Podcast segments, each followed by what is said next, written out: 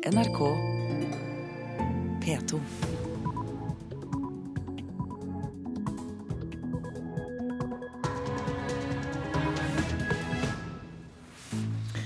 Ja, her i studio sitter Øystein Heggen og ønsker deg velkommen til Nyhetsmorgen torsdag 23. januar.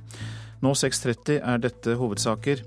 Ukraina går inn i et avgjørende døgn, mener opposisjonen. Hva vet eksilukrainere om det som skjer? Ukrainsk forening kommer til Nyhetsmorgen. I dag har Frp sittet 100 dager i regjering. Mange velgere tar kontakt med partiet og lufter sin misnøye. Mange av mailene og telefonene og SMS-ene er altså ifra velgere som lurer på hvordan det går med deres hjertesak. Stortingsrepresentant Gjermund Hagesæter. Mange skoler legger bilder av elever åpent ut på nettet. Det er Datatilsynet skeptisk til. Og vi skal snakke bil med forbrukerombud Gry Nergård i dag. Ukraina er inne i et avgjørende døgn, mener landets opposisjonsledere. Det er ventet at president Viktor Janukovitsj i dag skal kunngjøre om han gir etter for noen av opposisjonens krav.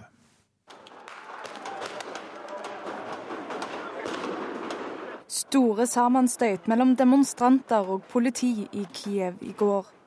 Og i natt har det kommet nye meldinger om sammenstøyt. Det er venta at dagen i dag kan bli avgjørende. Opposisjonslederen har varsla at demonstrantene går til åtak om president Janukovitsj ikke gir etter for deres krav i løpet av dagen. Om lag 50 000 mennesker var ute i gatene i hovedstaden i går, og fem aktivister skal ha blitt drepne. Opposisjonen stiller først og fremst krav om nyvalg i Ukraina. Reporter her, det var Kjersti Hetlein. Ukraina går altså inn i et avgjørende døgn, mener opposisjonen. Og Sofia Øyen, du er medlem av ukrainsk forening i Norge og har kontakt med hjemlandet. Hva slags tilbakemeldinger får du? Ja, hei, god morgen. Jeg får tilbakemeldinger fra mine venner, fra mine uh, tidligere kolleger og studiekamerater. Og uh, jeg kan fortelle at uh, de demonstrasjonene som har vært fram til 16.1, har vært fredelige. Men etter lovendringer 16.1, så situasjonen har forandret seg. Konfliktnivået er blitt mye, mye større. Folk hadde ventet hele tida at presidenten vil gå i dialog, vil gå i forhandlinger, skal innføre demokratiske endringer, skal i hvert fall eh, endre eh, regime og regjering. Eh, og straffe, forfølge de som har begått kriminelle handlinger, bl.a. spesiell styrke som banket på en veldig brutal måte studenter natt 30. november. Folk har jo stått og demonstrerte i gatene i over to måneder. Folk har jo stått i kulde, i regnet, i snøværet, døgnet rundt døgnet rundt. Og det er mange, mange tusen. På eh, søndager, altså i helgene, så har det jo vært bortimot en halv million demonstranter som var på Maidan-plassen. Men Janukovitsj eh, ville ikke snakke med folk. Han hadde ikke satt ved dialogbordet. Han ignorerte folk. Folk håpet hele tida på at de blir hørt, at nå skjer det noen endringer, nå blir det forhandlinger med, uh, med regjeringen, men det skjedde ikke. Isteden så innførte regjeringen en som hastelovvedtak med mange brudd, uh, prosessuelle brudd, uh, en såkalt 16. januar lovendringer. Disse lovendringene de har altså, som du begynte med å si, også vært veldig viktige for eh, det som eh, skjer nå. Vi har også med oss deg, Anne Tusvik Bonde, regionalt ansvarlig for Øst-Europa i Human Rights House Network. Og eh, kan du si litt mer om hva disse lovendringene går ut på, som kanskje var skjellsettende et sånt veikryss i denne konflikten? Ja, altså noe av det verste, altså Disse lovene går både på at man innskrenker ytringsfrihet, forsamlingsfrihet, organisasjonsfriheten. Så de går jo utover bare det å begrense retten til å demonstrere. Men det som er spesielt alvorlig nå, er jo at de også gir politiet en immunitet, en carte blanche til å gjøre hva de vil til å faktisk eh, angripe demonstranter, fordi de kan ikke dømmes for det. De blir ikke straffet. Og Det er det som fører til at vi ser sånne ting som vi så i går, hvor altså politiet går inn og raider en helsestasjon, bl.a. hvor det ligger sårede. Dette er jo helt uakseptabelt og brudd mot menneskerettighetene. Det er det som nå skjer. Så det er veldig viktig at Jagland sier at Europarådet vil se på lovene og, og, for å få dem i tråd med, med, menneskerettighetene. Men det må skje nå. Man må være aktive til å få Fordi det er nå disse lovene brukes i Ukraina. Så man må også allerede nå gå inn og kreve forhandlinger og få, kreve endringer.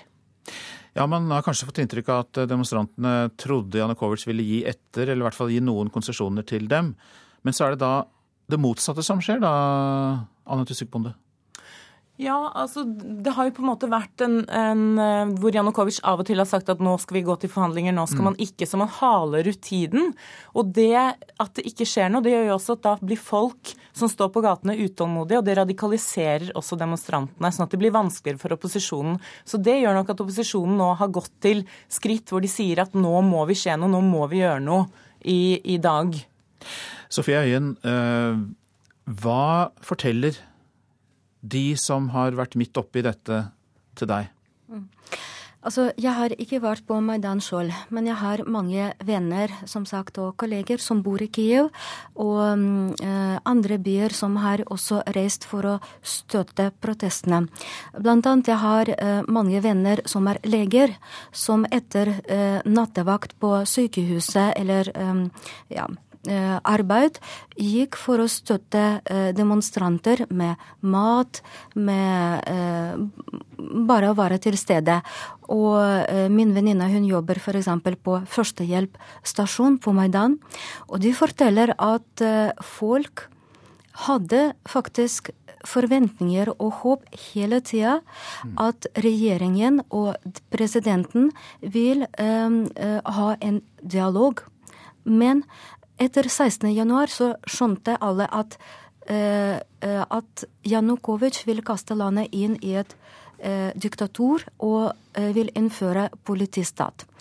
Og til, eh, til, deg til slutt, Anne Ane Tusvik Bonde. Hva, hva er det verste som kan skje nå? Det verste er jo at volden utvikler seg videre. Man får håpe at det ikke skjer. At nettopp når man bruker alle midler, altså også de internasjonale, setter i gang eh, smarte sanksjoner mot mm. regimet, så de ikke kan reise, fryser kontoer og, og, nå vet vi i dag at eh, statsministeren ikke får snakke i Davos, den ukrainske statsministeren. Så det er noen tiltak, men de må være enda klarere for at man får stoppet dette, og folk i Ukraina får lov til å demonstrere som de har rett til. Mange takk for at dere kom til Nyhetsmorgen. Anne Tusvik Bonde, som vi hørte der, regionalt ansvarlig for Øst-Europa i Human Rights House Network, og Sofia Øyen, som er medlem av Ukrainsk forening i Norge. Rundt 6000 barn i Den sentralafrikanske republikk er vervet til å bli barnesoldater, det opplyser FN-utsendinger. Begge sider i konflikten skal ha manipulert mindreårige og tvunget dem til å delta i voldshandlinger. En FN-utsending med ansvar for barn og væpnede konflikter mener konflikten berører barn på en dramatisk måte og med et voldsnivå som man ikke har sett før. Så hjem igjen til norsk politikk. Frp i regjering har blitt eh, som en tiger uten klør, sier en velger. I dag er det 100 dager siden Høyre-Frp-regjeringen gikk ut på Slottsplassen, og mange Frp-velgere har brukt tiden til å si sin hjertens mening på partiets Facebook-side. En av dem er lærer og artist Hoss Curtis. Nå når Frp har kommet i regjering, da, så er det plutselig blitt som en litt sånn temma tiger. De har fått klippet klørne sine her. Og en tiger uten klør kan som kjent ikke klore så mye fra seg. Mellom støtteerklæringer og egenreklame på Frp sin Facebook-side renner det inn skjellsord om bomstasjonene som kom, og NRK-lisensen som ikke forsvant. Det er jo sånn at man har mange saker som man veldig gjerne skulle hatt gjennom på rask tid. Det sier FrPs statssekretær i Samferdselsdepartementet, Bård Hoksrud så er det sånn at noen ting tar litt lengre tid fordi det må utredes og å gjennomgås før man kan sette ut i livet. Fordi vi har en utredningsinstruks i staten som tar noe tid, og som skal sikre forsvarlig saksbehandling. Og det er jo bra. For det betyr at når vi da fatter vedtaket og beslutningene, så er vi sikre på at det vi gjør er riktig. Og at bl.a. på veisida så handler det jo mye om, om trafikksikkerhet og ivareta traf trafikksikkerheten. Frp, som alltid har stått på utsida av regjeringa og kritisert, er nå sjøl fanga i byråkratiet. Professor i statsvitenskap Bernt Årdal forklarer hva det er som egentlig skjer. Det ligger litt i, i sakens natur at når man har vært i opposisjon så lenge, og for så vidt også vært gitt veldig tydelige og klare meldinger om at uh, hadde man sittet selv i regjering, så skulle det vært en, en helt annen politikk, en annen dans. Og så når man da kommer i regjering, så må man jo også da ta ansvar for en del ting som man ikke er så veldig glad for. Og til dels også ting som man ikke har full kontroll over. Så Særlig for Fremskrittspartiet så er dette en, en stor utfordring. Får vel kanskje en 100 mail for dagen. Eh, tidligere har jeg kanskje fått en opptil 150 mail for dagen. Det forteller FrPs finanspolitiske talsperson Gjermund Hagesæter. Årdal tror den typen velgere som stemmer Frp, er blant de mest utålmodige og Hagesæter må svare velgerne. Mange av mailene og telefonene og SMS-ene er altså ifra velgere som lurer på hvordan det går med deres hjertesak. Og Hoff Curtis i Kristiansund savner tydeligere tannmerker av Frp-politikk i regjering. De er mye mindre bombastisk nå, da. Det virker litt mer tannløst nå i forhold til det de har eh, lovt på forhånd. Og Frp-velgeren framsnakker ikke akkurat sitt eget parti når han skal beskrive de to regjeringskameratene. Hvis du skal se på de to partiene, så fremstår Høyre som et mye mer tydeligere parti enn Frp. På forrige NRK-måling svarte 13% av dem som stemte Frp ved stortingsvalget, at de ville stemt Høyre hvis det var valg i morgen. Og Curtis kan bli en del av statistikken det viser seg vel det at det er, det er vel Høyre og Erna i spissen som er dem som eh, styrer skuta der. Reportere her Siv Sandvik og Eva Marie Bulai. God morgen, forbrukerombud Gry Nergård. God morgen. Dere legger fram planene for årets satsinger i dag, og dere skal jobbe mye med bil. Hvorfor? Ja, vi skal jobbe en del med bil i år. Det er ganske mange år siden vi jobba med det. Og bil er jo etter hvert blitt ganske stor, en ganske stor post i, i en husholdning sin økonomi. Og Derfor så tenker vi det er grunn til å se gjennom det markedet en gang til. Hvilke kostnader er det dere skal undersøke spesielt? Eh, nå skal vi bl.a. se på leasing. Vi ser at privatleasing er et økende marked. Vi mm. ser ganske mye reklame for eh, leasing rundt omkring. Og det vi bl.a. skal gå inn og se, er det sånn at det gis gode nok informasjon i reklamen og i vilkårene til oss forbrukere, sånn at vi kan velge eh, på et godt grunnlag om vi bør kjøpe eller lease bil. Er det andre ting eh, innenfor alle disse bilutgiftene som eh, dere er opptatt av? Ja, vi skal også se på eh, bl.a. bilverksteder, hvordan de opplyser om priser. Nå kom det jo nye regler i år, som, eller i fjor som sier at det skal være lett for oss forbrukere å se på nett hvilke bilverksteder vi bør dra til for å få reparert bilen vår på en billigst måte. Det bør vi sjekke om gjøres. Vi skal også gå inn og se på bilgarantier, om de faktisk gir oss noe mer enn de rettighetene vi allerede har etter kjøpslovgivninga. Får dere mange henvendelser om eh, nettopp bil? Nei, vi får ikke så veldig mange henvendelser om det. Og det er jo litt rart, syns vi. Eh, men vi ser jo at det er en del politisk store saker som dreier seg om bil. Så vi skal også bl.a. inn og se på parkering. Eh, der etterlyst, har vi jo etterlyst nye, ny parkeringslovgivning, og det har vi nå fått vite fra Kjetil Solvik-Olsen at det vil komme et nytt lovforslag nå i vår. Så det er vi veldig glad for. Som øker forbrukernes rettigheter? Ja, det håper vi da virkelig. Det er i hvert fall de forslagene som vi har sendt inn, vil gjøre det. Nå skal dere jo legge fram eh, planer om andre satsinger i år også. På tampen så kan vi jo få med hvilke andre områder det er viktig for dere i Forbrukerombudet? Ja, Det er jo de store økonomisk tunge områdene som vi forbrukere er inne i. Det er jo finans, bolig og IKT. Og valgfrihet i IKT-markedet, noe som vi kommer til å jobbe veldig mye med. Hva innebærer det? Jo, det er jo sånn at eh, vi eh, som forbrukere bør ha muligheten til å velge de avtalene som vi syns er best for oss, når det er så stort tilbud av TV, mobil og andre ting. Mm. Og ikke bli bundet fast til avtaler med, fordi det er lange bindingstider, lange oppsigelsesfrister, kob tvungne koblingssalg osv. Takk for at du kom til Nyhetsmorgen, forbrukerombud eh, Gry Nergård. Nå om nærbilder av skoleelever som blir lagt åpent tilgjengelig ut på nettet. Det er Datatilsynet skeptisk til. Samtlige barneskoler i Karmøy kommune har lagt ut bilder av alle elever, og stikkprøver fra andre barneskoler viser at eh, de ikke er alene. Datatilsynet mener skolene bør være mer kritiske til hvor og hvilke bilder de legger ut. Og da er det femteklasse som har lagt et eh, tårn av sugerør. Grete Grønnevik er rektor på Avaldsnes barneskole på Karmøy. På skolens hjemmeside viser hun fram både artikler og bilder fra aktiviteter og prosjekter som de forskjellige klassene er med på. Hensikten med eh, denne hjemmesida er jo å, å, komme med informasjon til, til foreldre. For at skoler skal få legge ut bilder av elevene, må det innhentes tillatelse fra foreldrene. Men ifølge Datatilsynet betyr ikke det at alle typer bilder bør publiseres på skolens hjemmeside. Det sier seniorrådgiver Guro Skåltveit. Hvis man legger bilder på nett sånn at foreldre skal se hvor kjekt det har vært på skolen den dagen, bør de kanskje heller uh, vurdere å bruke andre og litt mer lukka kanaler. Både Avaldsnes og samtlige andre hjemmesider til skoler i Karmøy kommune har nærbilder av elevene i god kvalitet som er åpne for allmennheten. Datatilsynet mener det er ulik praksis når det kommer til barneskoler og publisering av bilder. Ja, det er ganske store variasjoner. Det er variasjoner fra skole til skole og fra kommune til kommune. Grønnevik, rektor på Avaldsnes barneskole, sier at de skal gå gjennom sine publiseringsregler. Jeg tenker jo egentlig at dette bør vi drøfte skikkelig, for vi, vil, vi må jo beskytte ungene. Reportasjen var laget av Thomas Halleland. Dette er Nyhetsmorgen, og klokka den passerte nettopp 6.46. Dette er noen av våre hovedsaker. Ukraina går inn i et avgjørende døgn, mener opposisjonen. Nye lover har gitt politiet utvidede fullmakter, sa Ane Tusvik Bonde i Human Rights House Network her i Nyhetsmorgen. I dag har Frp sittet 100 dager i regjering. Mange velgere tar kontakt med partiet og lufter sin misnøye.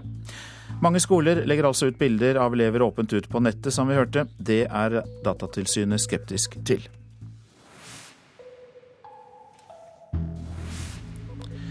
Og så til eh, avisenes forsider i dag. Drapene i gatene kan drive Ukraina nærmere Moskva, skriver Aftenposten. Regimets voldsbruk kan utløse straffereaksjoner fra Vesten og stenge Ukrainas vei til Europa, sier forsker. Lærer kroppen å drepe kreftceller, er oppslaget i Adresseavisen. Professor Øyvind Halås ved NTNU tror immunforsvaret kan læres opp til å takle de fleste typer kreftceller. En av metodene som brukes er å ta celler ut av kroppen, trene dem, trene dem opp til å drepe kreftceller, og så sprøyte dem tilbake. Nav-bom, skriver VG. Etaten har 300 forskjellige IT-systemer og har brukt 700 millioner kroner på et nytt dataprosjekt, som nå er stanset. Krass kritikk mot Drevlands oppførsel, det er oppslaget i Bergens Tidende. Flere bystyremedlemmer går hardt i rette med ordfører Trude Drevlands møteledelse. De mener hun har urimelig kort lunte overfor enkeltpersoner, og spesielt kvinner. Selv er Drevland overrasket over at kritikken fremmes først i media, og eh, at det ikke er den mest sympatiske måten å gjøre det på. Men jeg tåler det, sier bergensordføreren til Bergens Tidende. PC og nettbruk svekker skolearbeidet til hver tredje norske elev, kan vi lese i Klassekampen. Forskning viser at elevene blir distrahert av internett i timene, og PISA-undersøkelser viser at norske elever er på jumboplass i utholdenhet. Oppsigelser på Rosenberg verft og Statoil kutter 1 milliard kroner på landanleggene sine. Det kan vi lese om i Stavanger Aftenblad. Pessimismen slår inn i næringslivet, og én av fem bedrifter i Rogaland tror de må kutte i antall ansatte. Yrkene som går på helsa løs, er Dagbladet opptatt av i dag. Det er renholdere, tømrere og andre håndverkere som kommer høyest på lista over yrker som fører til ryggplager og andre yrkesskader. Kommuner kan knuse reservasjonsrett for leger, skriver Vårt Land. Helseminister Bent Høie bekrefter at legenes reservasjonsordning blir frivillig for kommunene, Kristelig Folkeparti i Oslo roper varsko og er redd hele reservasjonsordningen kan bli stemt ned av lokalpolitikere over hele landet.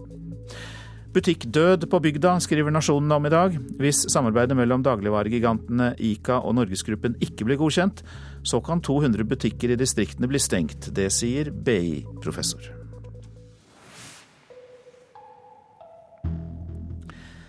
Strandvolleyballspiller bør få erstatning fra Antidoping Norge. Ja, det mener nestlederen i utøverkomiteen, Eirik Verås Larsen. I går startet rettssaken der Vegard Høydalen krever millionbeløp etter at han ble utestengt i sju måneder for brudd på meldeplikten. Verås Larsen i utøverkomiteen er ikke i tvil om at Antidoping Norge har gjort en feil. Nei, Han har jo først blitt dømt og så frifunnet. Når Antidoping Norge har gjort en feil i første instans, så, så bør han absolutt få erstatning. Høydalen ble utestengt fra idretten for tre brudd på meldeplikten fra 2006 til 2008. I 2009 ble han frikjent av appellutvalget i Idrettsforbundet. I tingretten i går var den dobbelt OL-mesteren i padling Eirik Verås Larsen, som er nestleder i utøverkomiteen, kalt inn som vitne. Verås Larsen mener Antidoping Norge må lære av denne saken. Utrolig viktig for resten av utøverne i Norge, og det er også viktig eh, for at Antidoping Norge skal gjøre et bedre arbeid i framtida. Hvis de vet at eh, med slett arbeid så blir de saksøkt, så vil de gjøre eh, jobben sin enda bedre enn det de gjør i dag. Høydalen og hans sak har vært helt avgjørende for rettssikkerheten til utøverne i dag, mener Verås Larsen. Høydalens kamp har betydd alt for de endringene vi ser i dag. Jeg tror at uh, uten den jobben som, uh, som Vegard Høydalen har gjort uh, i forhold til å frifinne seg sjøl og få fram mye av den forskjellsbehandlingen som, som har blitt gjort mellom utøvere i Norge, så hadde vi aldri hatt den rettssikkerheten som vi faktisk har fått nå for utøvere. Så, så, den, så det Vegard har gjort, har betydd veldig, veldig mye. Og eh, det var eh, Hilde Liengen som var reporter. Rettssaken fortsetter i Oslo tinghus i dag. Nå til eh, kunstnerne Crispin Gurholt og Markus Brendmo, som vurderer å ta rettslige skritt mot Munch-museet. De er opprørt etter at utstillingen Fresh Paint er avlyst for andre gang.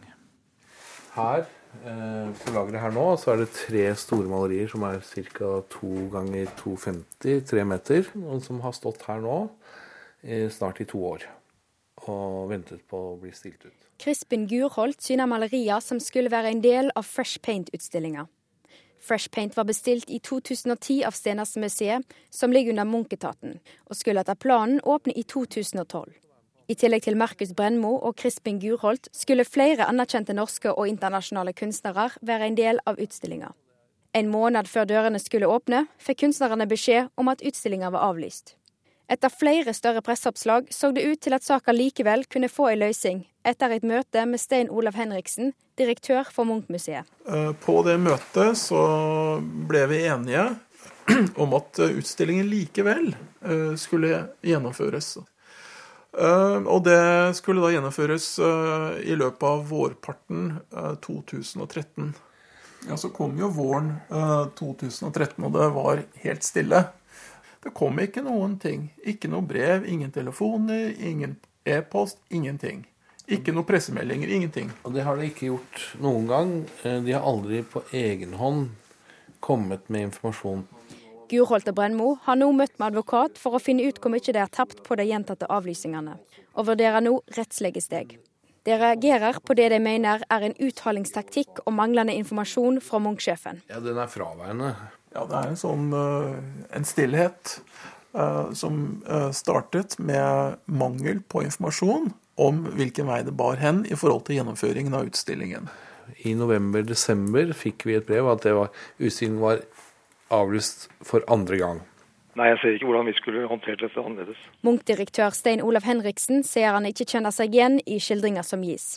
Han sier de har vært åpne for dialog og løsningsorienterte hele veien. Han vil ikke kommentere ytterligere før han har mottatt brev fra Brennmo og Gurholt sin advokat. Vi har meddelt eh, kunstnerne om at dette utstillingsprosjektet ikke lenger eh, er gjennomførbart. Så har vi hatt en dialog rundt det, og nå venter vi på deres eh, svar på vårt brev i fjor.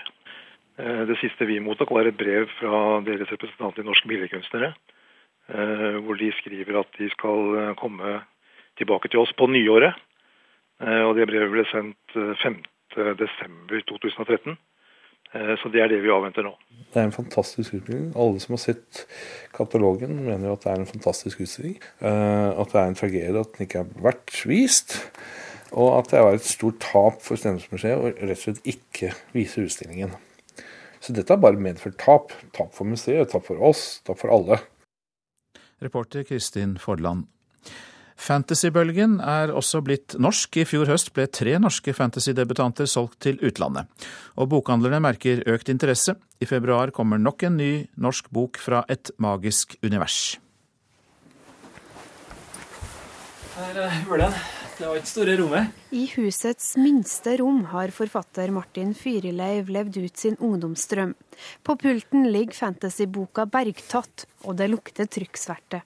I Fyrileivs første bok blir vi tatt med inn i en norrøn verden. Et magisk univers hvor en gutt på tolv år har hovedrollen. Nå har det jo blitt litt mer populært det siste året, og, og så har jeg lyst også, til å bidra til at vi får en sånn ny norsk eh, fantasytradisjon i Norge. For det er vel eh, veldig lite som er skrevet med basis på norrøn mytologi. For fantasy-sjangeren, som skildrer fantastiske univers med oppdikta vesen, har lenge vært populær, og norske salgslister har vært prega av engelske bøker. Men i fjor høst ble tre norske fantasy-debutanter solgt til utlandet, og nå er den norskskrevne fantasyen på tur opp. Vi ser at det kommer uh, stadig mer eh, fantasybøker på norsk. Det sier Marit Grue, kategoriansvarlig i Ark bokhandel. Det er spesielt aldersgruppa 12 til 20 år som får oppfylt sine behov med norsk fantasilitteratur. Det er at Vi har sett populariteten som disse seriene i den sjangeren har hatt de siste årene på engelsk hvor også mye har vært oversatt til norsk, og det har folket veldig veldig godt. Og man har sett at det er et behov for uh, denne type bøker også på norsk.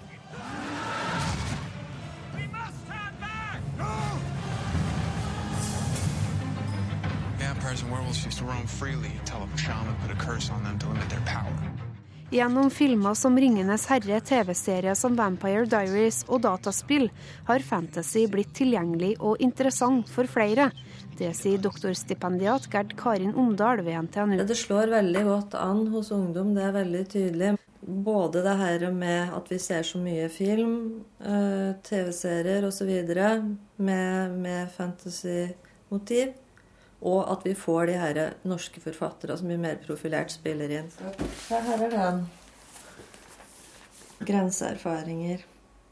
Den handler om fantastisk litteratur i Norge og liksom Norden. Omdal har skrevet bok om fantastisk litteratur og har fulgt sjangerens voksende popularitet lenge. Mange av de norske forfatterne vokste opp med sjangeren på 70-tallet, hvor fantasybølgen skylte over Norge, ifølge Omdal. Og en av årsakene til at ungdom leser fantasy i dag, kan være en motreaksjon fra det virkelige liv. Den ungdomstida er en tid som, som, ofte er litt sånn ustabil og vanskelig. Og Der kan det være det her, Man kan leve seg inn i en annen verden, man kan drømme seg bort. Vi selger veldig mye fantasybøker akkurat nå. Spesielt uh, ungdomsfantasien. da. Det er det veldig mye av. Inne på en bokhandel i Trondheim er en hel vegg fylt med fantasybøker. Fargerike bokcover og fiffige titler. De norske forfatterne gjør det bra. Det har gått uh, ganske bra. Vi har jo selvfølgelig Tone Almia som er beste eksempler. Hatt stor suksess på utlandet og hjem her. På det lille kontoret i Namsos fyller et tankekart hele PC-skjermen. For i februar slippes den første boka i trilogien. Kanskje så er det jo den norrøne grunnen som gjør at det, det våkner litt i markedet. Da. Det blir mer populært. Jeg tror det er som andre sjangere òg. De har en sånn oppvåkningstid. Krimmen har hatt det mot Europa. Kanskje så er fantasy sin tur. Reporter Kaja Kristin Næss. Så til værvarselet. Fjell i Sør-Norge, kuling utsatte steder i vest og nord. Litt snø sør for Finse, ellers for det meste opphold. Østlandet og Telemark litt spredt snø. Agder østlig liten kuling utsatte steder, stiv kuling på kysten vest for Oksøy og snø. Rogaland og Hordaland sørøst sterk kuling utsatte steder, kan hende liten storm i Rogaland, utrygt for litt snø.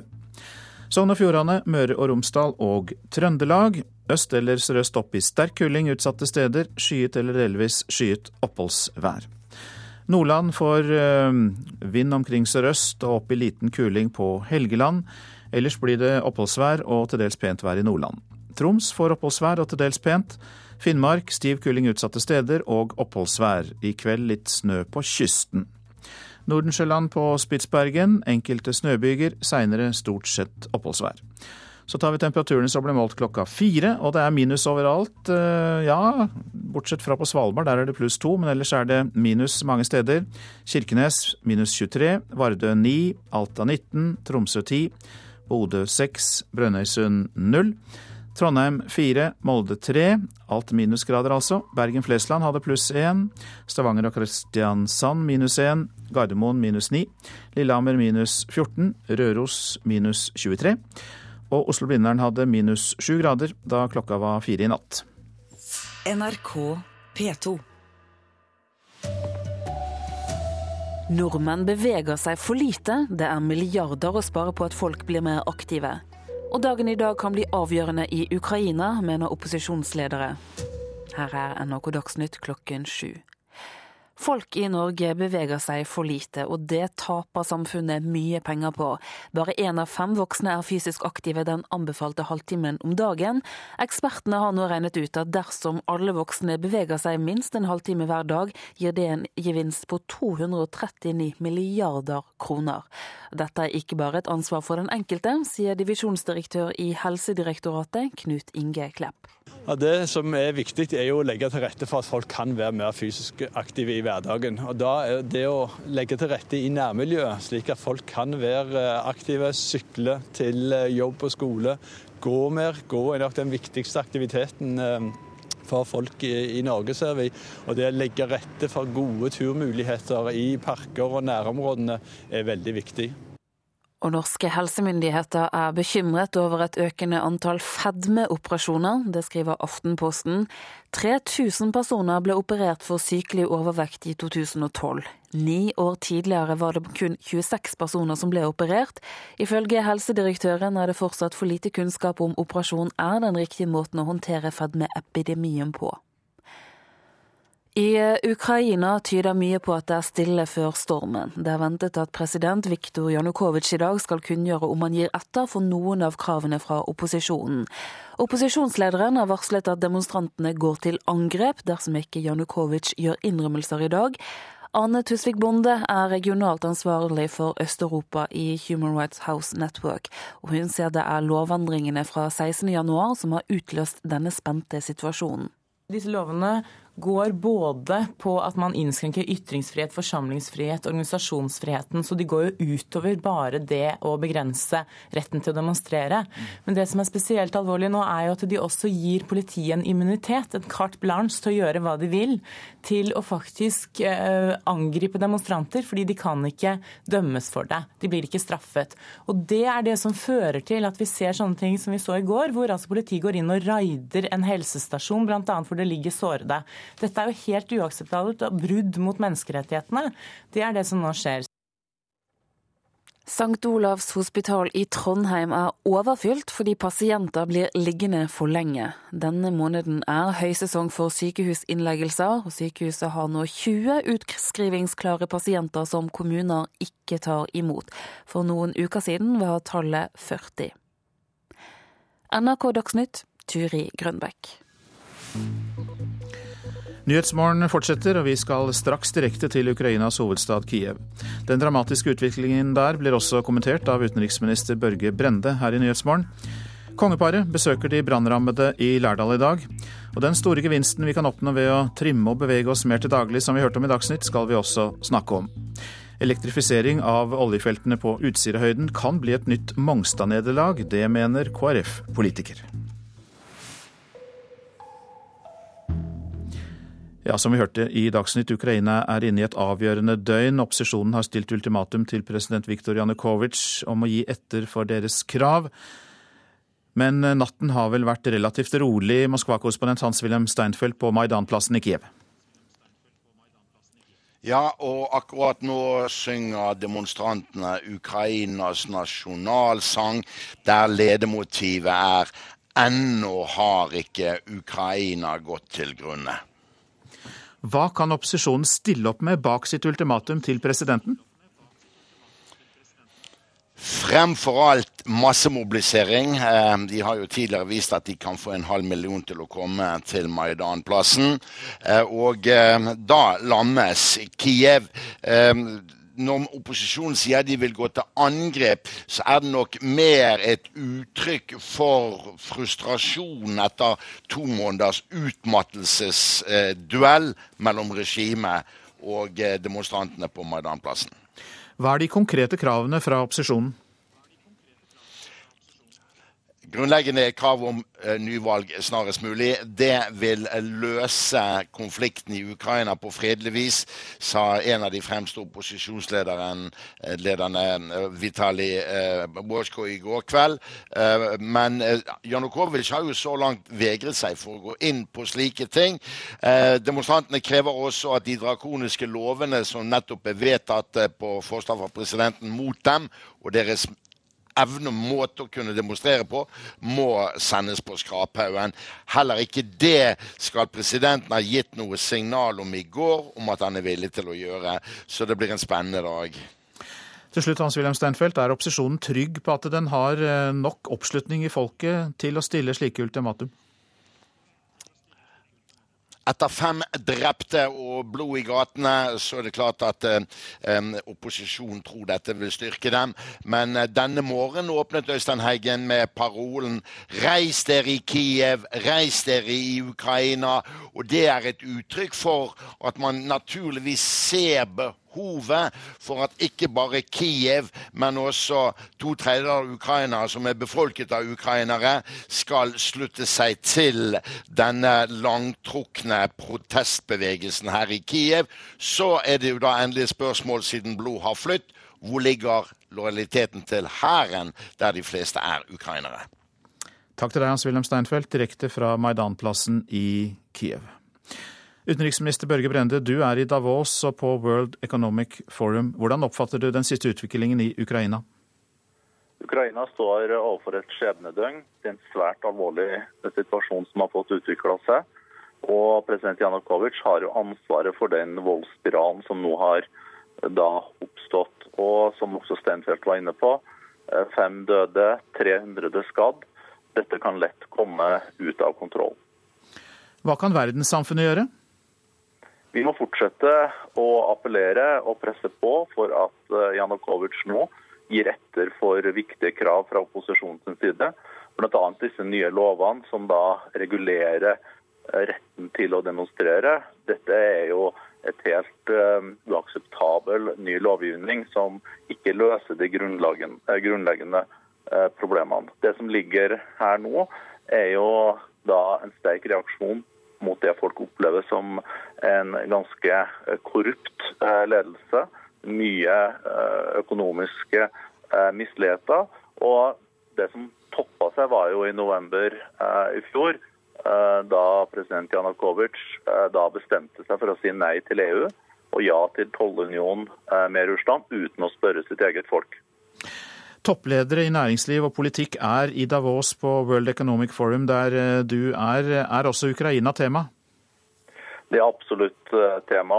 Et av de spørsmålene man stiller seg, er jo under oransjerevolusjonen for ti år siden, i 2004, så skjedde den uten at et vindu ble knust.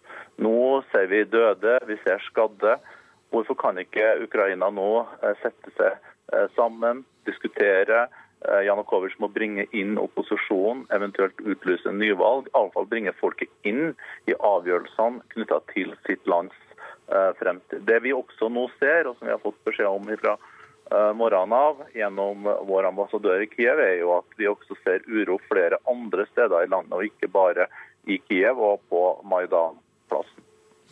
Du eh, har jo vært eh, leder også i dette World Economic eh, Forum i Davos, og det har eksistert i 44 år. Har vi noen eksempler på at det kan ha konkret innvirkning på konflikter på viktige spørsmål i verden, dette forumet av toppledere? På 90-tallet så var det her da Mandela og de Klerk møttes for første gang utenfor Sør-Afrika. Og Mandela dro jo tilbake til Sør-Afrika etter å ha vært Eh, her i Davos og sa at eh, nå må man inngå et partnerskap også mellom privat sektor og det offentlige for å kunne skape arbeidsplasser og investeringer fremover. Så Det er et av mange eksempler på at eh, det å spille på lag med også næringslivet for å skape alle de jobbene som trengs i verden fremover, er en god idé. Takk skal du ha, utenriksminister Børge Brende, som altså er i Davos på World Economic Forum. Kongeparet kommer til Lærdal i dag. Og reporter Marte Halsør, hvilken stemning er det som møter dem i denne brannrammede bygda? Det er nok en spesiell stemning som møter kongeparet her i Lærdal i dag. De kommer for å se på branntomtene, og de skal jo møte noen av de som har mista heimene sine. Og, og kongen han, han, har et litt spesielt forhold til Lærdal, for han har vært i Lærdal flere ganger tidligere. Han har både vært på jakt og laksefiske her i Lærdalselva. Og en av de som har vært med kongen på fiske, det er du, rådmann i Lærdal, Alf Olsen. Kan du fortelle litt hva forhold kongen har til Lærdal? Ja, kongen har et langvarig forhold til Lærdal. Han kom her vel første gangen da han var 14-15 år gammel. Og han bodde jo her på Kapteinsgarden. Eh, de som var der da, lærte han jo opp til å fiske, og han er en veldig god uh, fisker. Så han har vært her ganske jevnt fram til midten av 70-tallet. Uh, eh, og har vært med forskjellige folk. Onkelen min var vel kanskje den som var mest sammen med han. Han er en, en verdenskjent fløgebitter eh, og lager laksefløger og også driver med eh, laksefiske. Han driver også med jakt eh, i Lærdal, så han har jo vært flere ganger om året da, på det meste. Hva er det med Lærdal som gjør at kongen stadig vender tilbake? Nei, det er jo flott her, da. vet du.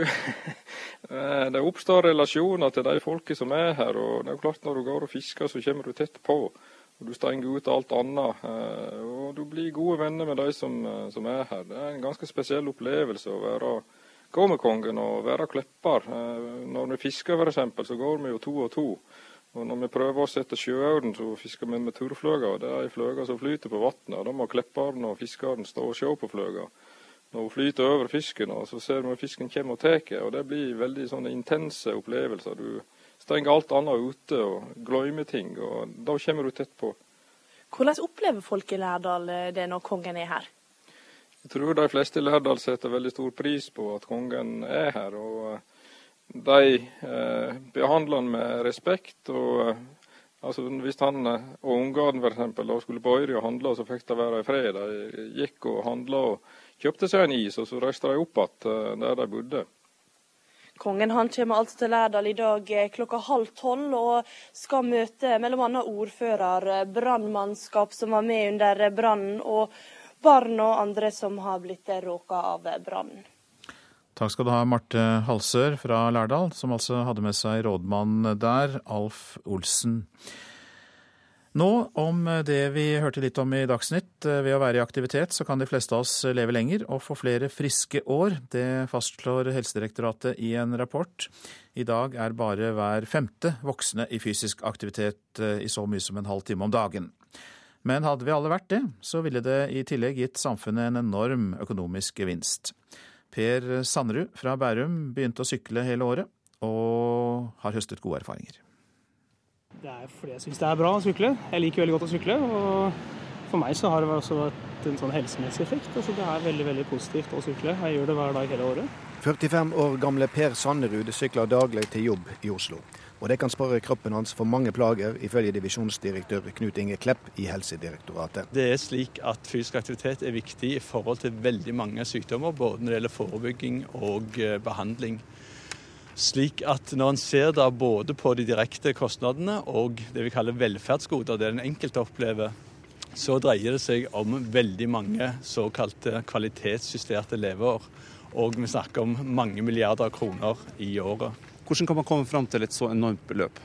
Ja, det er fordi når en da sier at 80% av den voksne befolkningen har et forbedringspotensial, og vi ser at en 30-åring f.eks. vil kunne tjene hele åtte kvalitetsjusterte leveår, så eh, har vi eh, kostnadssatt det til 588 000 kroner per år. Og når vi da multipliserer opp med alle menneskene dette angår, så kommer vi til det høytallet. Og at det er en sammenheng mellom daglig mosjon og god helse, er ikke Per Sanderud i tvil om. Da jeg begynte å bli mer aktiv for en sånn 10-12 år siden, så bedre kondisjon, men også gikk ned i vekt. Ikke det at det var noe mål, men det ble en konsekvens av at jeg også beveget meg mer.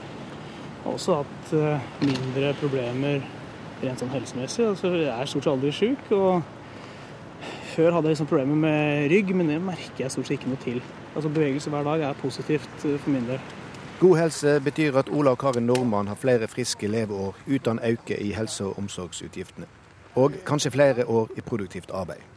Verdien av det som blir omtalt som kvalitetsjusterte leveår, altså leveår der en er frisk, er større enn det forventa økte pensjonsutgiftene, hevder Klepp.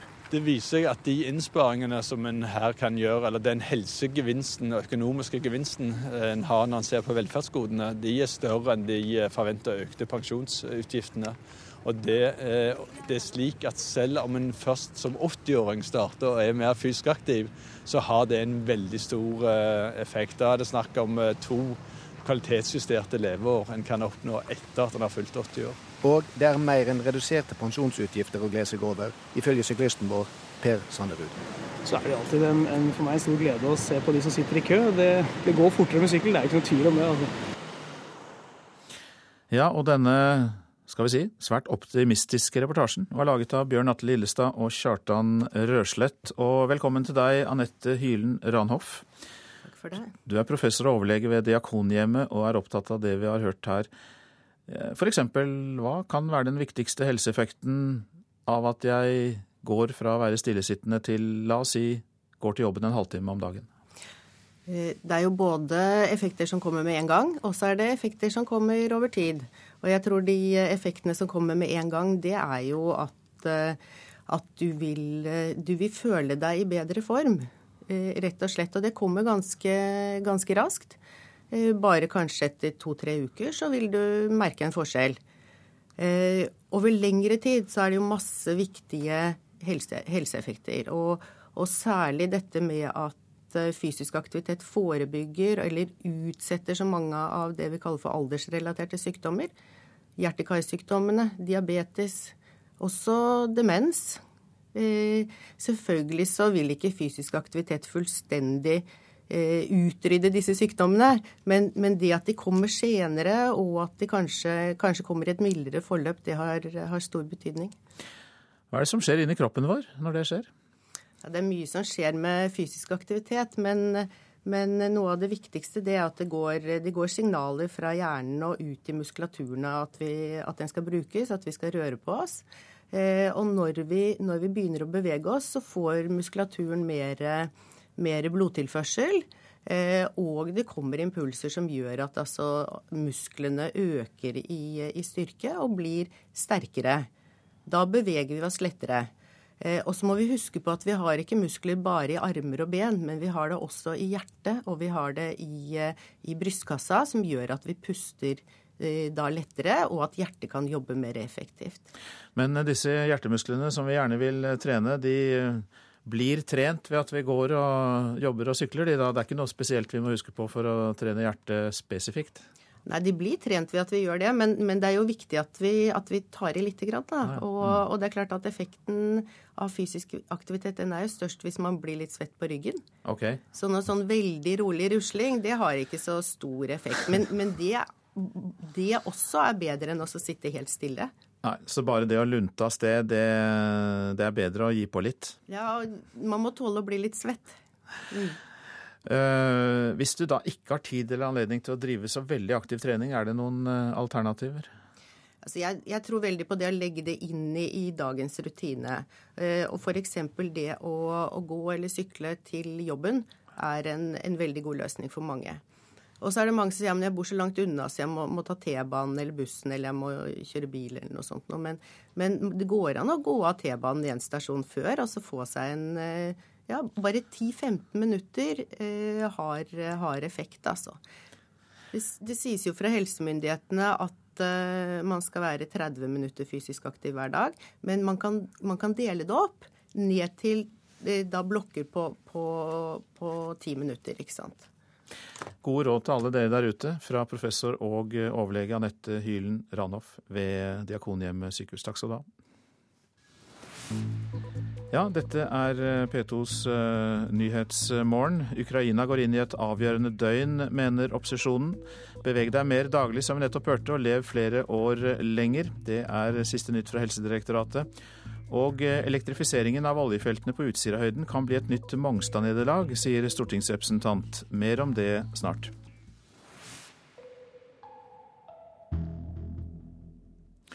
Flere av slektningene til høytstående ledere i Kina skal ha registrert sine firmaer i skatteparadiser i Karibia. Det kommer fram i en ny rapport. Samtidig står en av Kinas eh, fremste korrupsjonsjegere tiltalt ved en domstol i Beijing. Og eh, menneskerettighetsadvokaten har bl.a. kjempet for å få kinesiske ledere til å oppgi sine formuer.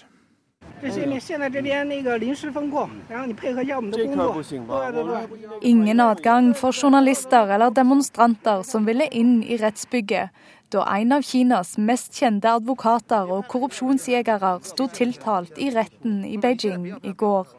Støttespillere av menneskerettsadvokaten Shi Zhiyong samla seg utenfor rettslokalet. Han er uskyldig. Han har gitt et så stort bidrag til det kinesiske samfunn, særskilt for vanlige folk.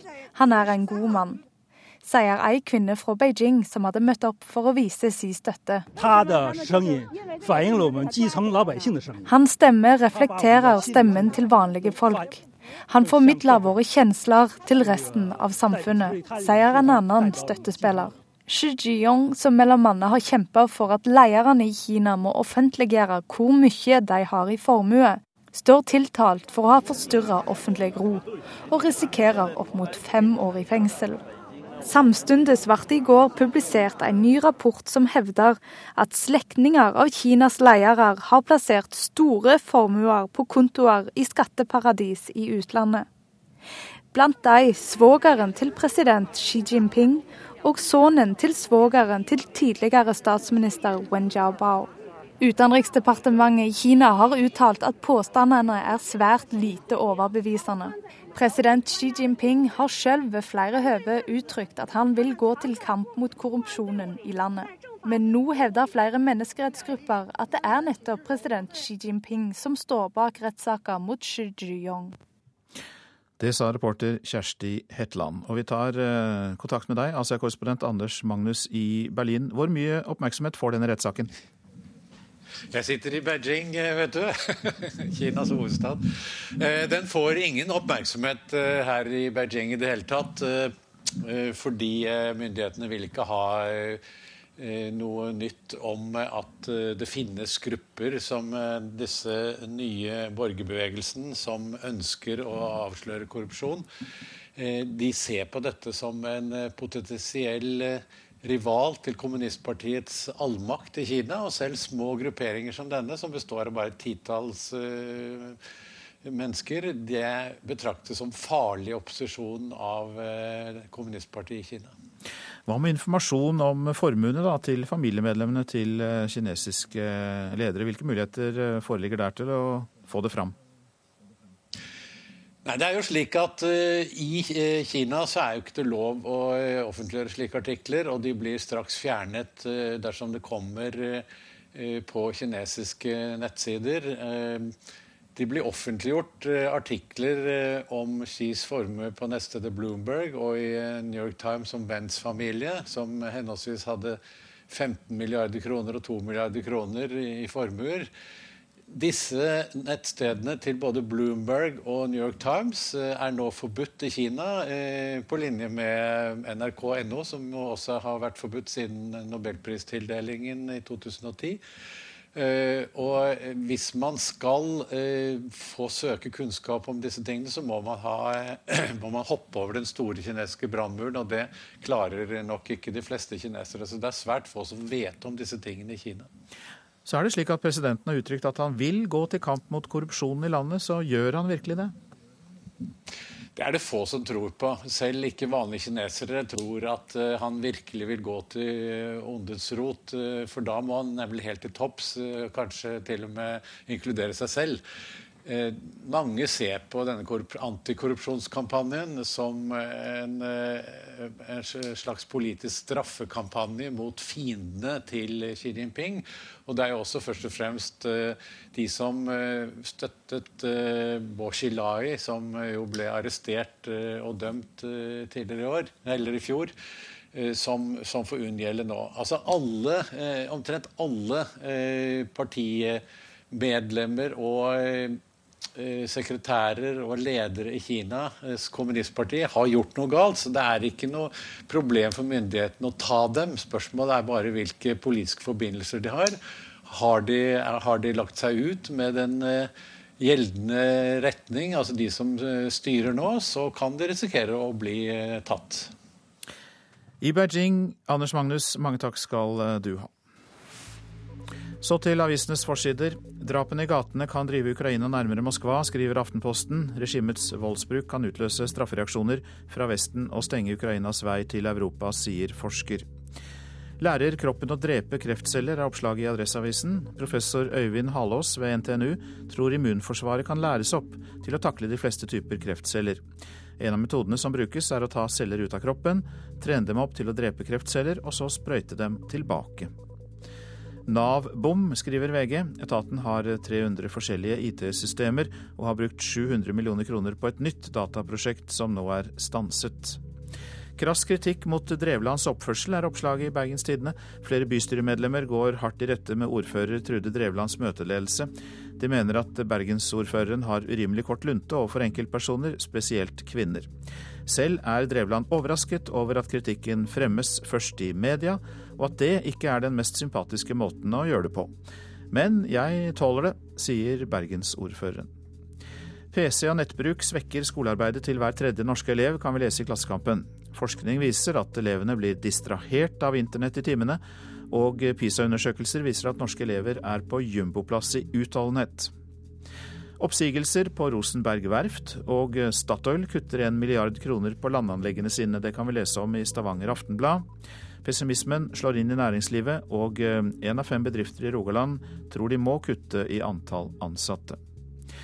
Yrkene som går på helsa løs, er Dagbladet opptatt av i dag. Det er renholdere, tømrere og andre håndverkere som kommer høyest på lista over de yrker som fører til ryggplager og andre yrkesskader. Kommuner kan knuse reservasjonsrett for leger, skriver Vårt Land. Helseminister Bent Høie bekrefter at legenes reservasjonsordning blir frivillig for kommunene. Kristelig Folkeparti i Oslo roper varsko og er redd hele reservasjonsordningen kan bli stemt ned av lokalpolitikere over hele landet. Butikkdød på bygda, skriver Nasjonen.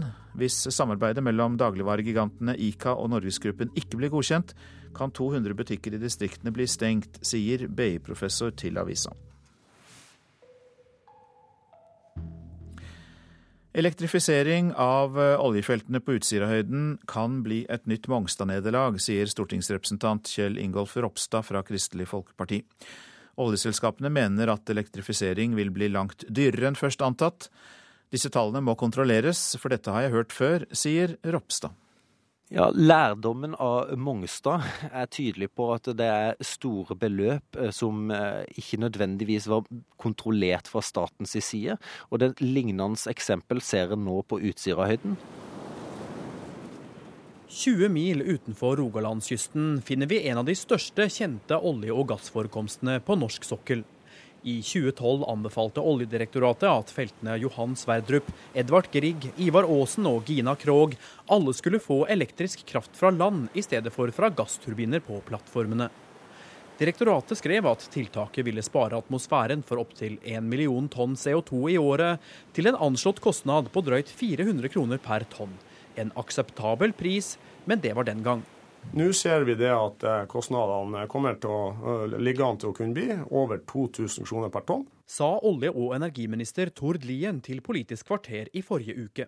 Selvfølgelig må vi også hensynta den type vurderinger når vi i 2015 eh, skal ta stilling til dette spørsmålet. 2000 kroner per tonn CO2 er langt over det som regnes som et kostnadseffektivt klimatiltak. Tallet stammer fra operatørene på feltene, Statoil, Lundin og det norske oljeselskap. Og Derfor er det viktig at de tallene kontrollsjekkes og sammenlignes med andre prosjekt. Mener Kjell Ingolf Ropstad, som er redd for at oljeselskapenes regnestykker vil peke mot en løsning der bare Johan Sverdrup-feltet får strøm fra land. Man vet at noen av selskapene har ingenting å tjene, tvert imot heller mye å tape dersom det kommer kraft fra land, fordi at de allerede har turbiner på plass på sine plattformer, som da vil bli pålagt ekstra utgifter både på spleiselaget på den nye kabelen som skal ut til Utsira, men òg da en ombygging og, og tilpasning til kraft fra land. Det er Statoil som leder arbeidet med å finne strømløsninger på Utsira, men selskapet ønsker ikke å kommentere saken nå. Og eh, Olje- og energidepartementet har foreløpig takket nei til å kommentere denne saken. Reporter var eh, Halvard Norum. Du lytter til eh, Nyhetsmorgen. Lysende sti var en maoistinspirert geriljagruppe noen kanskje husker, fra 20 år tilbake. Vi skal høre at gruppen igjen er dukket opp i nyhetsbildet i Peru i reportasjen etter Dagsnytt. Regjeringen tråkker på gassen i oljepolitikken. Det blir debatt av det i Politisk kvarter. Prosent for Nyhetsmorgen er Katrine Nybø. Her i studio, Øystein Heggen.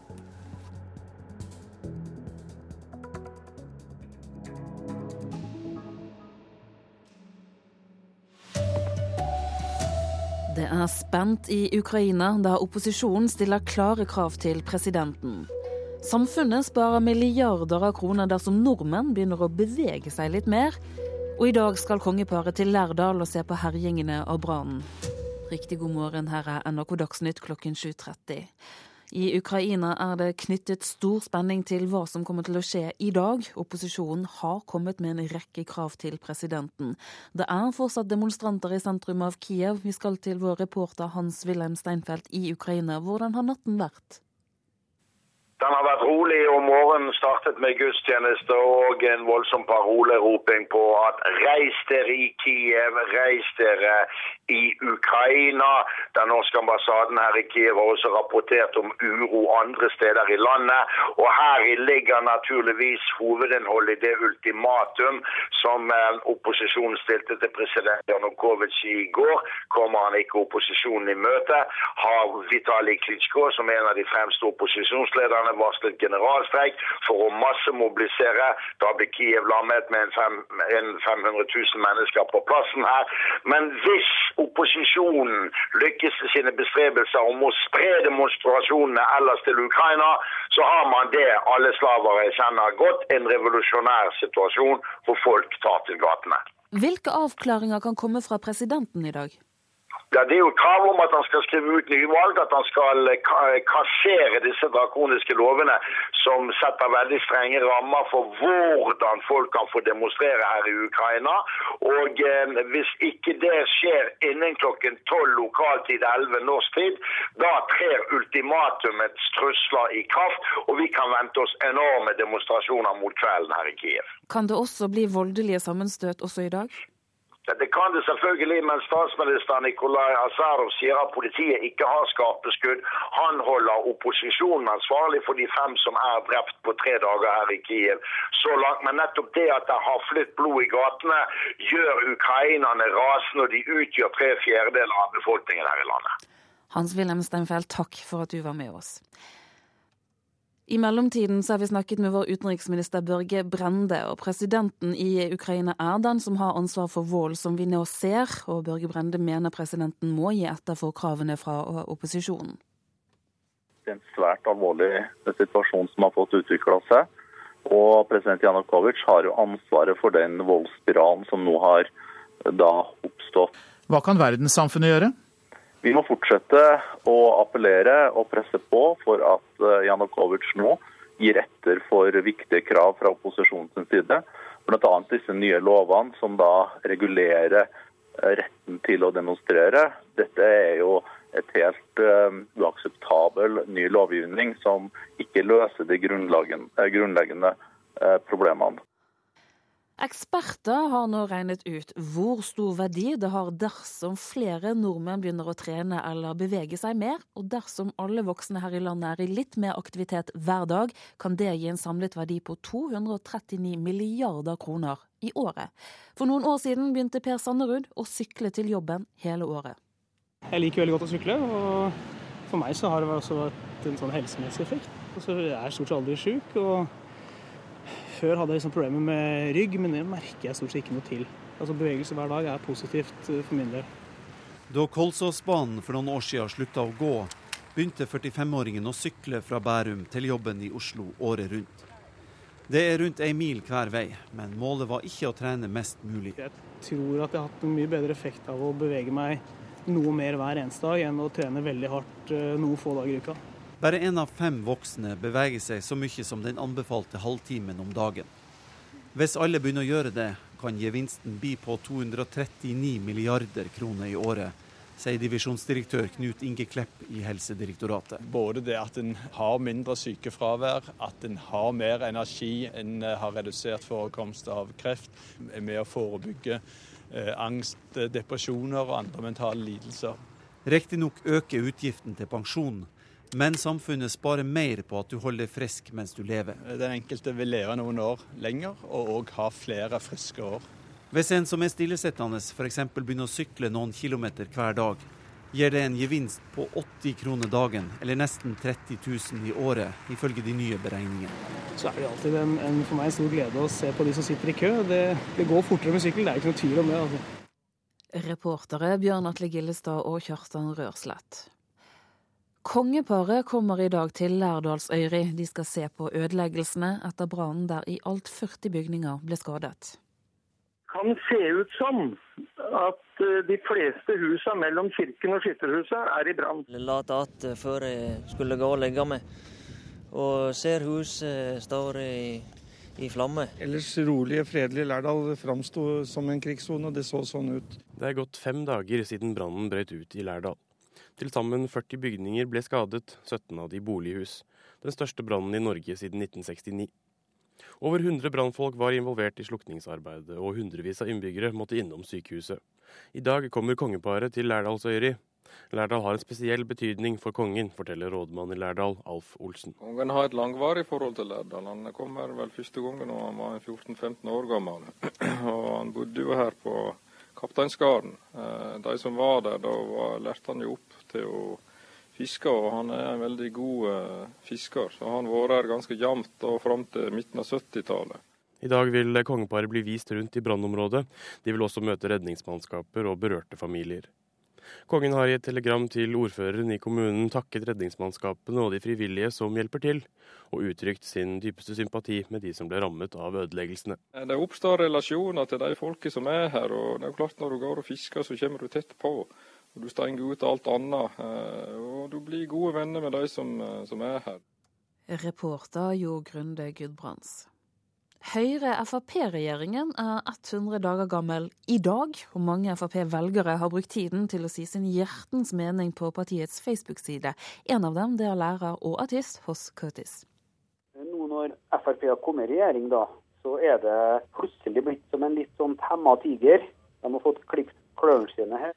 Og en tiger uten klør kan som kjent ikke klore så mye fra seg.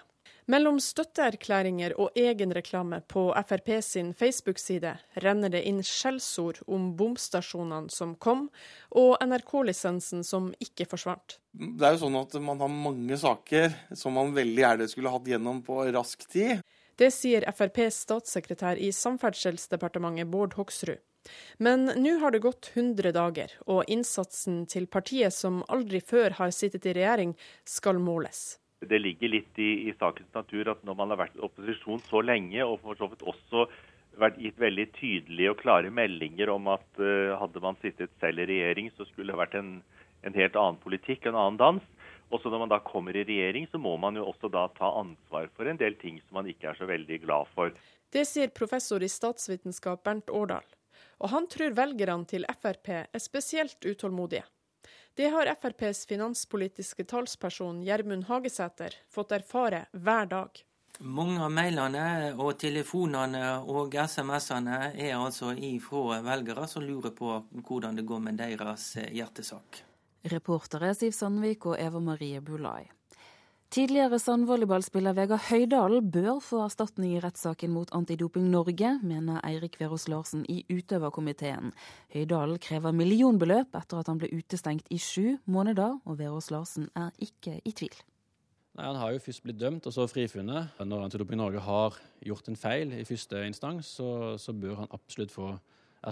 Høydalen ble utestengt fra idretten for tre brudd på meldeplikten fra 2006 til 2008. I 2009 ble han frikjent av appellutvalget i Idrettsforbundet.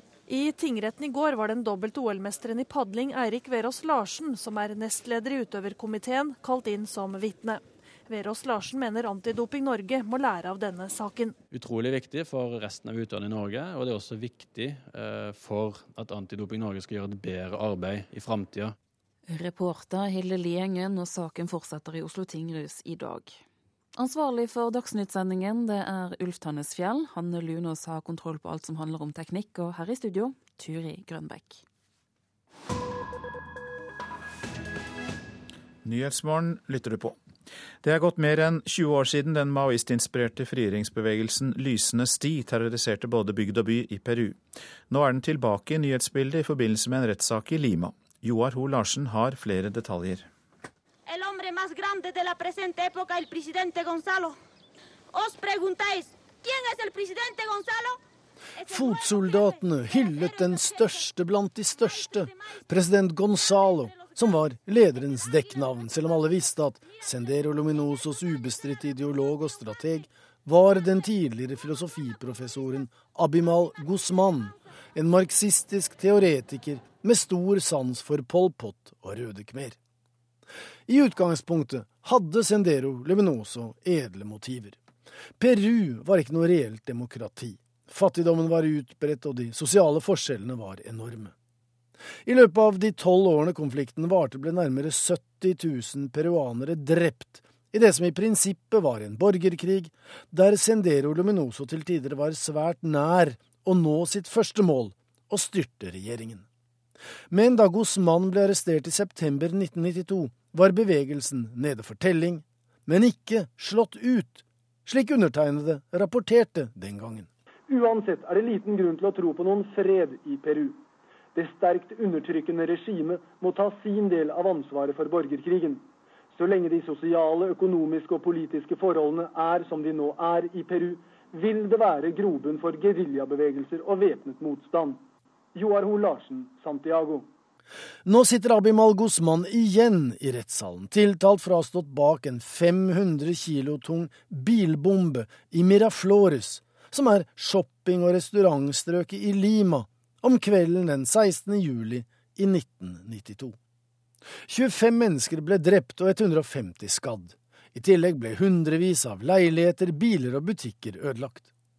Dette var ikke det første terrorangrepet mot sivile i hovedstaden, men det første på sen kveldstid, da gatene i den moderne bydelen var fulle av liv og aktivitet.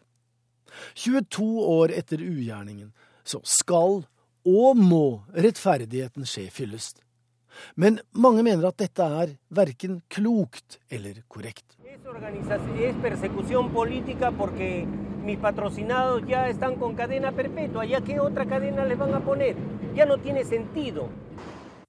Alfredo Crespo er Guzmans forsvarer og dermed part i saken. Han hevder at denne siste rettssaken er en del av en politisk prosess.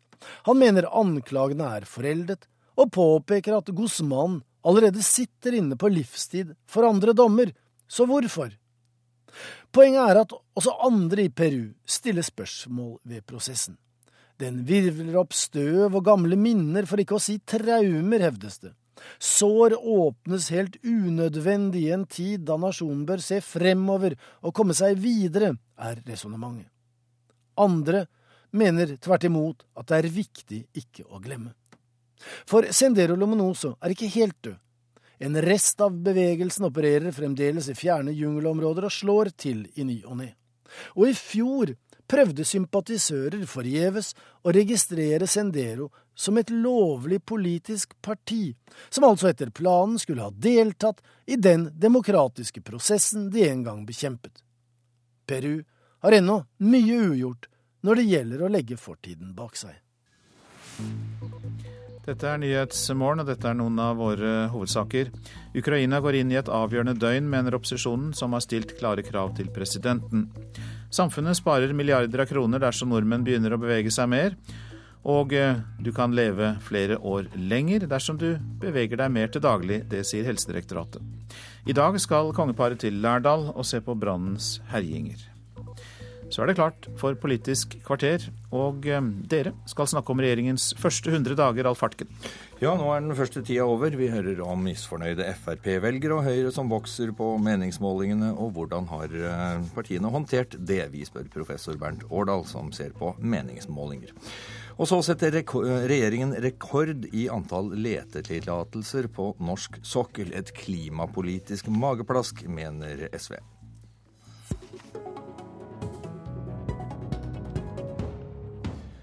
For regjeringen tråkker på gassen i oljepolitikken. 48 selskaper får tilbud om å delta i 65 nye utvinningstillatelser på norsk sokkel, og det er ny rekord, sa olje- og energiministeren på en konferanse i Sandefjord denne uka.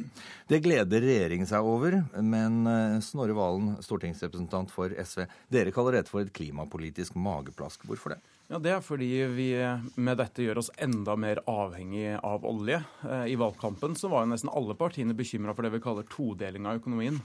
Altså at vi bruker veldig mye penger på å investere i olje. Eh, og det lider landindustrien vår under. Eh, det lider ny verdiskapning under, og det er klimapolitisk en veldig dårlig idé. Eh, Men, så vi kunne tenke oss å bruke mer ressurser på andre ting enn å hente ut enda mer olje. Mm, ja, sikkert. Men uten å gå inn på alle de andre tingene, var, hvis vi holder oss til oljepolitikken, hva var alternativet? Alternativene er jo, eh, er jo en, eh, en, ny og fornybar eh, framtid. Altså, vi har masse industri, masse verdiskapning i Norge som ikke er avhengig av olje. Og vi vet at to tredeler av olje og gassen som finnes i verden, må bli liggende under bakken hvis vi skal klare å nå verdens klimamål.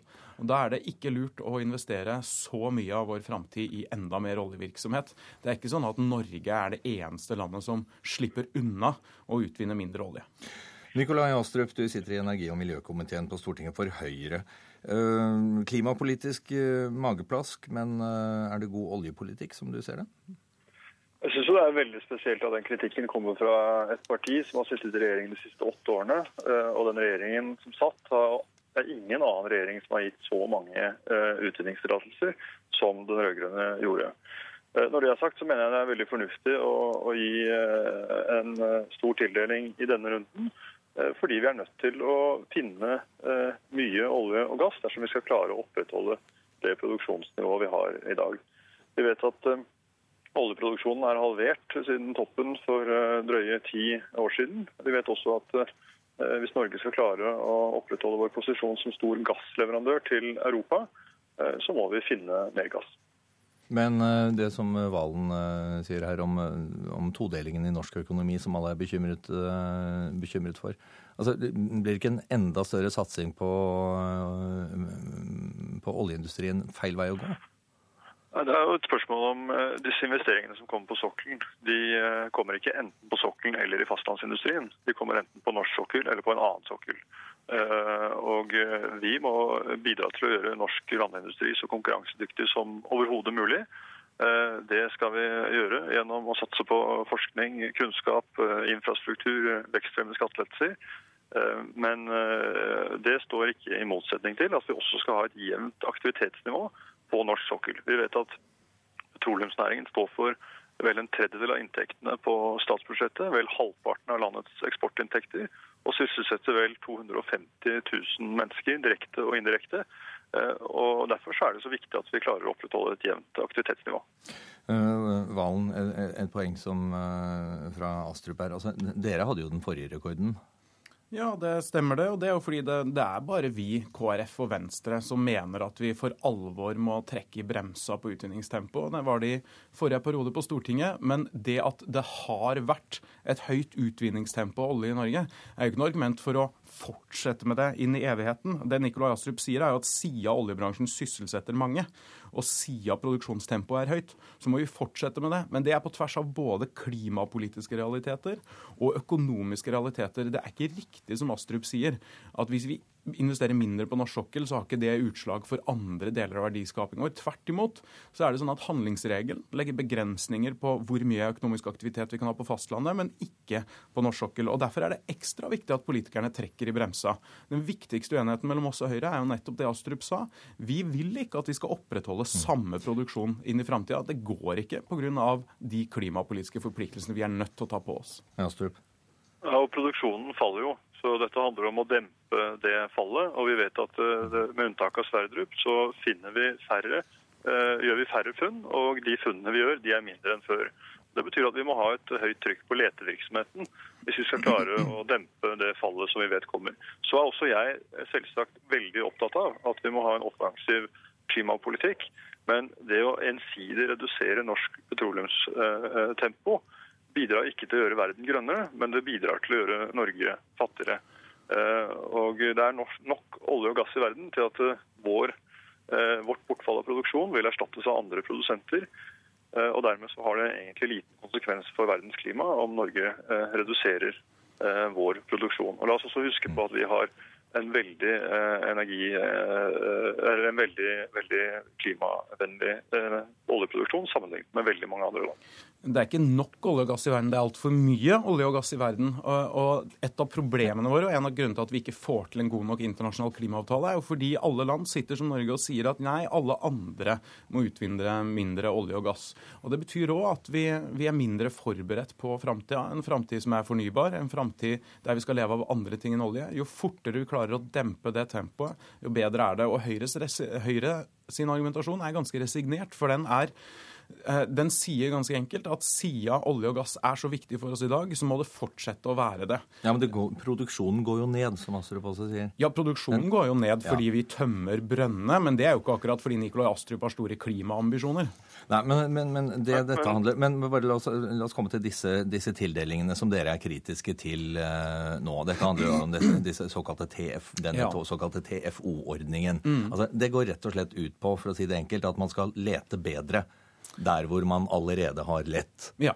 Er ikke det i utgangspunktet en god idé? Jo, vi Å finne ut mer av hva som uh, ligger der? Jo, vi støtta innføring av ordninga fordi hensikten er jo god. Og det at du istedenfor å stadig åpne helt nye områder, skal være mer effektiv i hvordan du utvinner olje der det allerede er åpna. Ja, men hvis hensikten med å, finne, med å lete bedre er god, hvorfor er det da eh, negativt å lete enda bedre? Fordi praktiseringa har gått over alle støvelskaft. Og, og regjeringa nå har en ganske liberal tolkning av hva som er et åpent område. Og man bruker det som kalles TFO-ordninga som en snarvei til oljelisenser, som egentlig burde vært delt ut i de vanlige, ordentlige konsesjonsrundene. Så det unntas demokratisk kontroll? på et Ja, vi, innførte, vi fikk innført høringer på det, blant annet. Det er jo bra, for da får vi i hvert fall faginstansene sin mening, og de er jo ofte svært kritiske men også Tekna, ingeniørene sin fagforening, mener at denne ordninga nå er dratt altfor langt og vil tilbake til en mye mer restriktiv politikk. og Det hadde jeg også håpa at regjeringa kunne vært med på. Og Nå har vi også Holden-utvalget, som også har anbefalt et lavere utvinningstempo av hensyn til økonomien. Ja, Astrup. Nei, Vi viderefører den forrige regjeringens linje når det gjelder uh, tildeling i forhåndsdefinerte områder. og Jeg mener at det er en fornuftig og rasjonell ressursforvaltning som bidrar til at eh, vi, vi utnytter de ressursene vi har på en best mulig måte. Eh, og så, eh, Nå skal det letes, og så får vi håpe at vi finner noe. Nettopp fordi at det er helt nødvendig å finne mer dersom vi skal opprettholde f.eks. vår rolle som, som gassleverandør til, men, til, Europa. Men det Valens poeng her om at dette nå nærmest har tatt av, altså at det unndras demokratisk kontroll, det burde, det burde vært behandlet annerledes, disse, men, disse tildelingene? Vi følger altså akkurat den samme praksisen på dette som den rød-grønne regjeringen gjorde. Så hvis uh, Snorre Valen mente at dette var et problem, så burde han jo tatt det opp da han selv satt i regjering og kunne gjort noe med det. Eller da partiet hans i hvert fall satt i regjering og partiet hans kunne gjort noe med det. Jeg tror du husker godt Nicolas, at jeg tok opp dette mange ganger i forrige periode da vi satt i regjering. Og det, vi satt i regjering, det at vi satt i regjering, betyr jo ikke at verden var et paradis og alt var bra. Vi mener det, det vi mener, og vi skulle ønske at flere var enige med oss i at det utvinnes for mye olje og det deles ut for mange lisenser. Og det dårligste argumentet av de alle Nikolai Astrup på å ikke gjøre noe, det er at det ikke er gjort så veldig mye tidligere heller. Eh, klimaet har ikke tida til politisk polemikk. Vi er nødt til å dempe tempoet nå. Ja, men vi kommer ikke til å redde verden ved at eh, Norge demper produksjonstempoet. Eh, steinalderen gikk, tok ikke slutt for mangel på stein, og sånn kommer det også til å være med oljealderen. Det er det å, å utvikle konkurransedyktige alternativer til fossil energi innenfor f.eks. transportsektoren som kommer til å være det avgjørende for å redusere utslippene. Og Derfor må vi satse mer på forskning og teknologiutvikling. Og det er, en, eh, og det er noe den nye regjeringen har sagt de skal prioritere. Men igjen tilbake til dette med demokratisk kontroll, som Valen var inne på. Du sier at dere viderefører den, andre, den tidligere regjeringspolitikk. Vel og bra det, men hvorfor er det riktig å gjøre det på den måten, Astrup? Nei, Vi mener som sagt at eh, dette er, når, du, når Stortinget eh, gjennom en demokratisk behandling har valgt å åpne et område, eh, så er det fornuftig å også ha nye runder der nye interessenter kan få muligheten til å lete i allerede åpne områder. Jeg kan ikke forstå hvorfor dette på noen måte skal være udemokratisk. Og det kunne heller ikke den forrige regjeringen gjøre, og vi viderefører den praksisen. Ja, kan, du, kan, du, forklare da hvorfor dette er så udemokratisk, Valen, og hva som var, hva som var alternativet? Ja, Alternativet er de vanlige konsesjonsrundene vi har, som er grundige og som går over lang tid.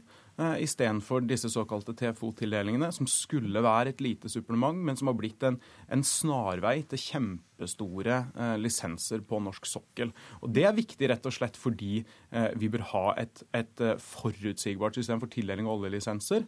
Eh, vi gjorde jo mye med denne ordninga også. altså Forrige gang Høyre styrte, så var det jo hemmelig hva fagetatene, hva Miljødirektoratet og, og andre mente om tildelingene til og med. Da fikk jo ikke engang offentligheten vite det. Men fortsatt så mener jeg et stort demokratisk underskudd i disse tildelingsprosessene. Og jeg merker meg at Høyre ikke har noen andre argumenter enn at det også har vært sånn før. Men det er en utrolig defensiv klimapolitisk holdning. Og hvis alle tenker sånn, så kommer det jo ikke til å skje noen ting på den internasjonale scenen. Et argument til uh, Astrup, ja. Ja, med all respekt, Storevalen, dette handler, jo, eh, dette handler jo tross alt eh, ikke om klimapolitikk, hvorvidt man skal ha TFO-runder eller ikke. Eh, og jeg mener som sagt at eh, det å åpne et område det er underlagt demokratisk kontroll. Eh, det er underlagt en bred høringsprosess. Det er underlagt eh, votering i Stortinget. Eh, og når man da har runder etterpå i de områdene vi allerede har bestemt oss for å åpne, så mener jeg at det er eh, både forsvarlig og demokratisk. Takk skal du ha, Nikolai Astrup fra Høyre. Takk også til eh, Snorre Valen. Ny rekord ble det i hvert fall denne gangen, så får vi se om det blir flere.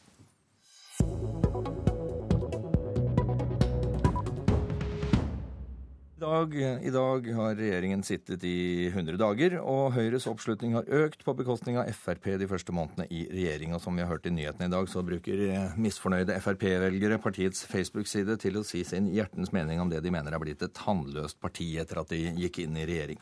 Professor i statsvitenskap Bernt Årdal, du har sett på meningsmålingene over tid etter, etter valget. Det er jo ikke noe tvil om at Frp allerede merker utålmodigheten? Nei, og det er jo først og fremst når vi ser på helhetsbildet. Det som er det interessante, er at vi ser på enkeltmålinger fra den ene måneden til den neste, så har det ligget innenfor feilmarginen for de aller fleste. Men hvis vi nå ser på totalen, på totalen og gjennomsnittet, så ser vi at det har falt bortimot en fire prosentpoeng siden, siden valget. Og det er det er ganske betydelig. Det. Da snakker vi om kanskje bortimot hver femte Frp-velger, og vel så det. Var dette si, forventet, eller det, det skiller seg jo litt fra situasjonen til SV f.eks., da de gikk inn og var i for så vidt samme situasjon? Ja, det, det er nok På mange måter som er det som forventet. Situasjonen når det gjaldt SV i 2005 var annerledes, for der ble man jo nesten halvert før valget. Eller valgresultatet lå da nesten på halvparten av oppslutningen fra månedene før. Eh, og så stabiliserte man seg på, på, rundt det nivået ganske lenge, og så har man hatt en sånn trappetrinnutvikling framover og, og nedover. Eh, men eh, det som gjør det spesielt for Fremskrittspartiet at vi har ventet dette, er jo at Fremskrittspartiet har vært det mest systemkritiske partiet i, i mange år. Eh, det har også vært det partiet som har samlet flest misfornøyde velgere. Og det er klart at med disse løftene om at man skal nærmest få en helt ny jord og ny himmel, altså kvalitativt skille i politikken, så øker jo selvsagt forventningene ganske så kraftig. Men samtidig så har de jo vært uh, veldig flinke, må man si, til å, til å tone dette ned og til å stå fram som, som et parti som er i stand til å gjennomføre prosjektet, nemlig å gå inn i regjering og ta ansvar. Ja, og det er noe av det mest interessante når det er forskjellen også til SV. Det virker som at Fremskrittspartiet har vært mye mer forberedt på denne nedgangen. Eh, nærmest stålsatt seg, hatt en aktiv politikk. Eh, i motsetning til SV i, i, i, en lignende situasjon. Og det vi ser er jo at Statsråden er veldig opptatt av å markere at man er i mindretall, man må liksom kompromisse osv. Mm. Med, med Høyre. Samtidig så feirer man sine seire og blåser de kraftig opp. Og Det er jo noe av det som vil være avgjørende for Fremskrittspartiets oppslutning framover også. Om de lykkes blant sine velgere til å få et sånt bilde av at, eh, av at, eh, jo, det går tross alt i riktig retning. Vi, får, vi har fått et hånd på rattet. Samtidig må de være et eh, tydelig alternativ til Høyre? Ja, og det er jo da noe av utfordringen å være et lite parti i en koalisjon. Og det er nærmest begynt å bli en, en naturlov at små partier som går i koalisjon med et større parti, taper til, til det partiet. Det gjorde SV til Arbeiderpartiet, og det gjør også nå Fremskrittspartiet til, til Høyre. Hva skal de gjøre for å unngå dette, da? Nei, det, det, er, det, er, jo 10 000 kroner spørsmålet. Det er vel noe det som partiorganisasjonen også er opptatt av. Det som jeg tror kan være ganske viktig, det er ikke bare altså Velgerne har man ikke så veldig mye kontroll over. Men det man har mer kontroll over i et parti, er jo sin egen partiorganisasjon. Og det er klart at Hvis det skulle på en måte bli en slags intern opposisjon som er der hele tiden, og som på en måte nører under misnøyen med resultatene og kanskje også er veldig utålmodige, så vil jo det gjøre dette enda vanskeligere. Og vi ser jo elementer, Tybring-Gjedde eh, osv., flere av de andre som er veldig raskt på banen når, når det er noe som man ikke liker. Takk skal du ha, Bernt Årdal. Det var Politisk kvarter. Jeg heter Alf Hartgen. Hør flere podkaster på nrk.no podkast.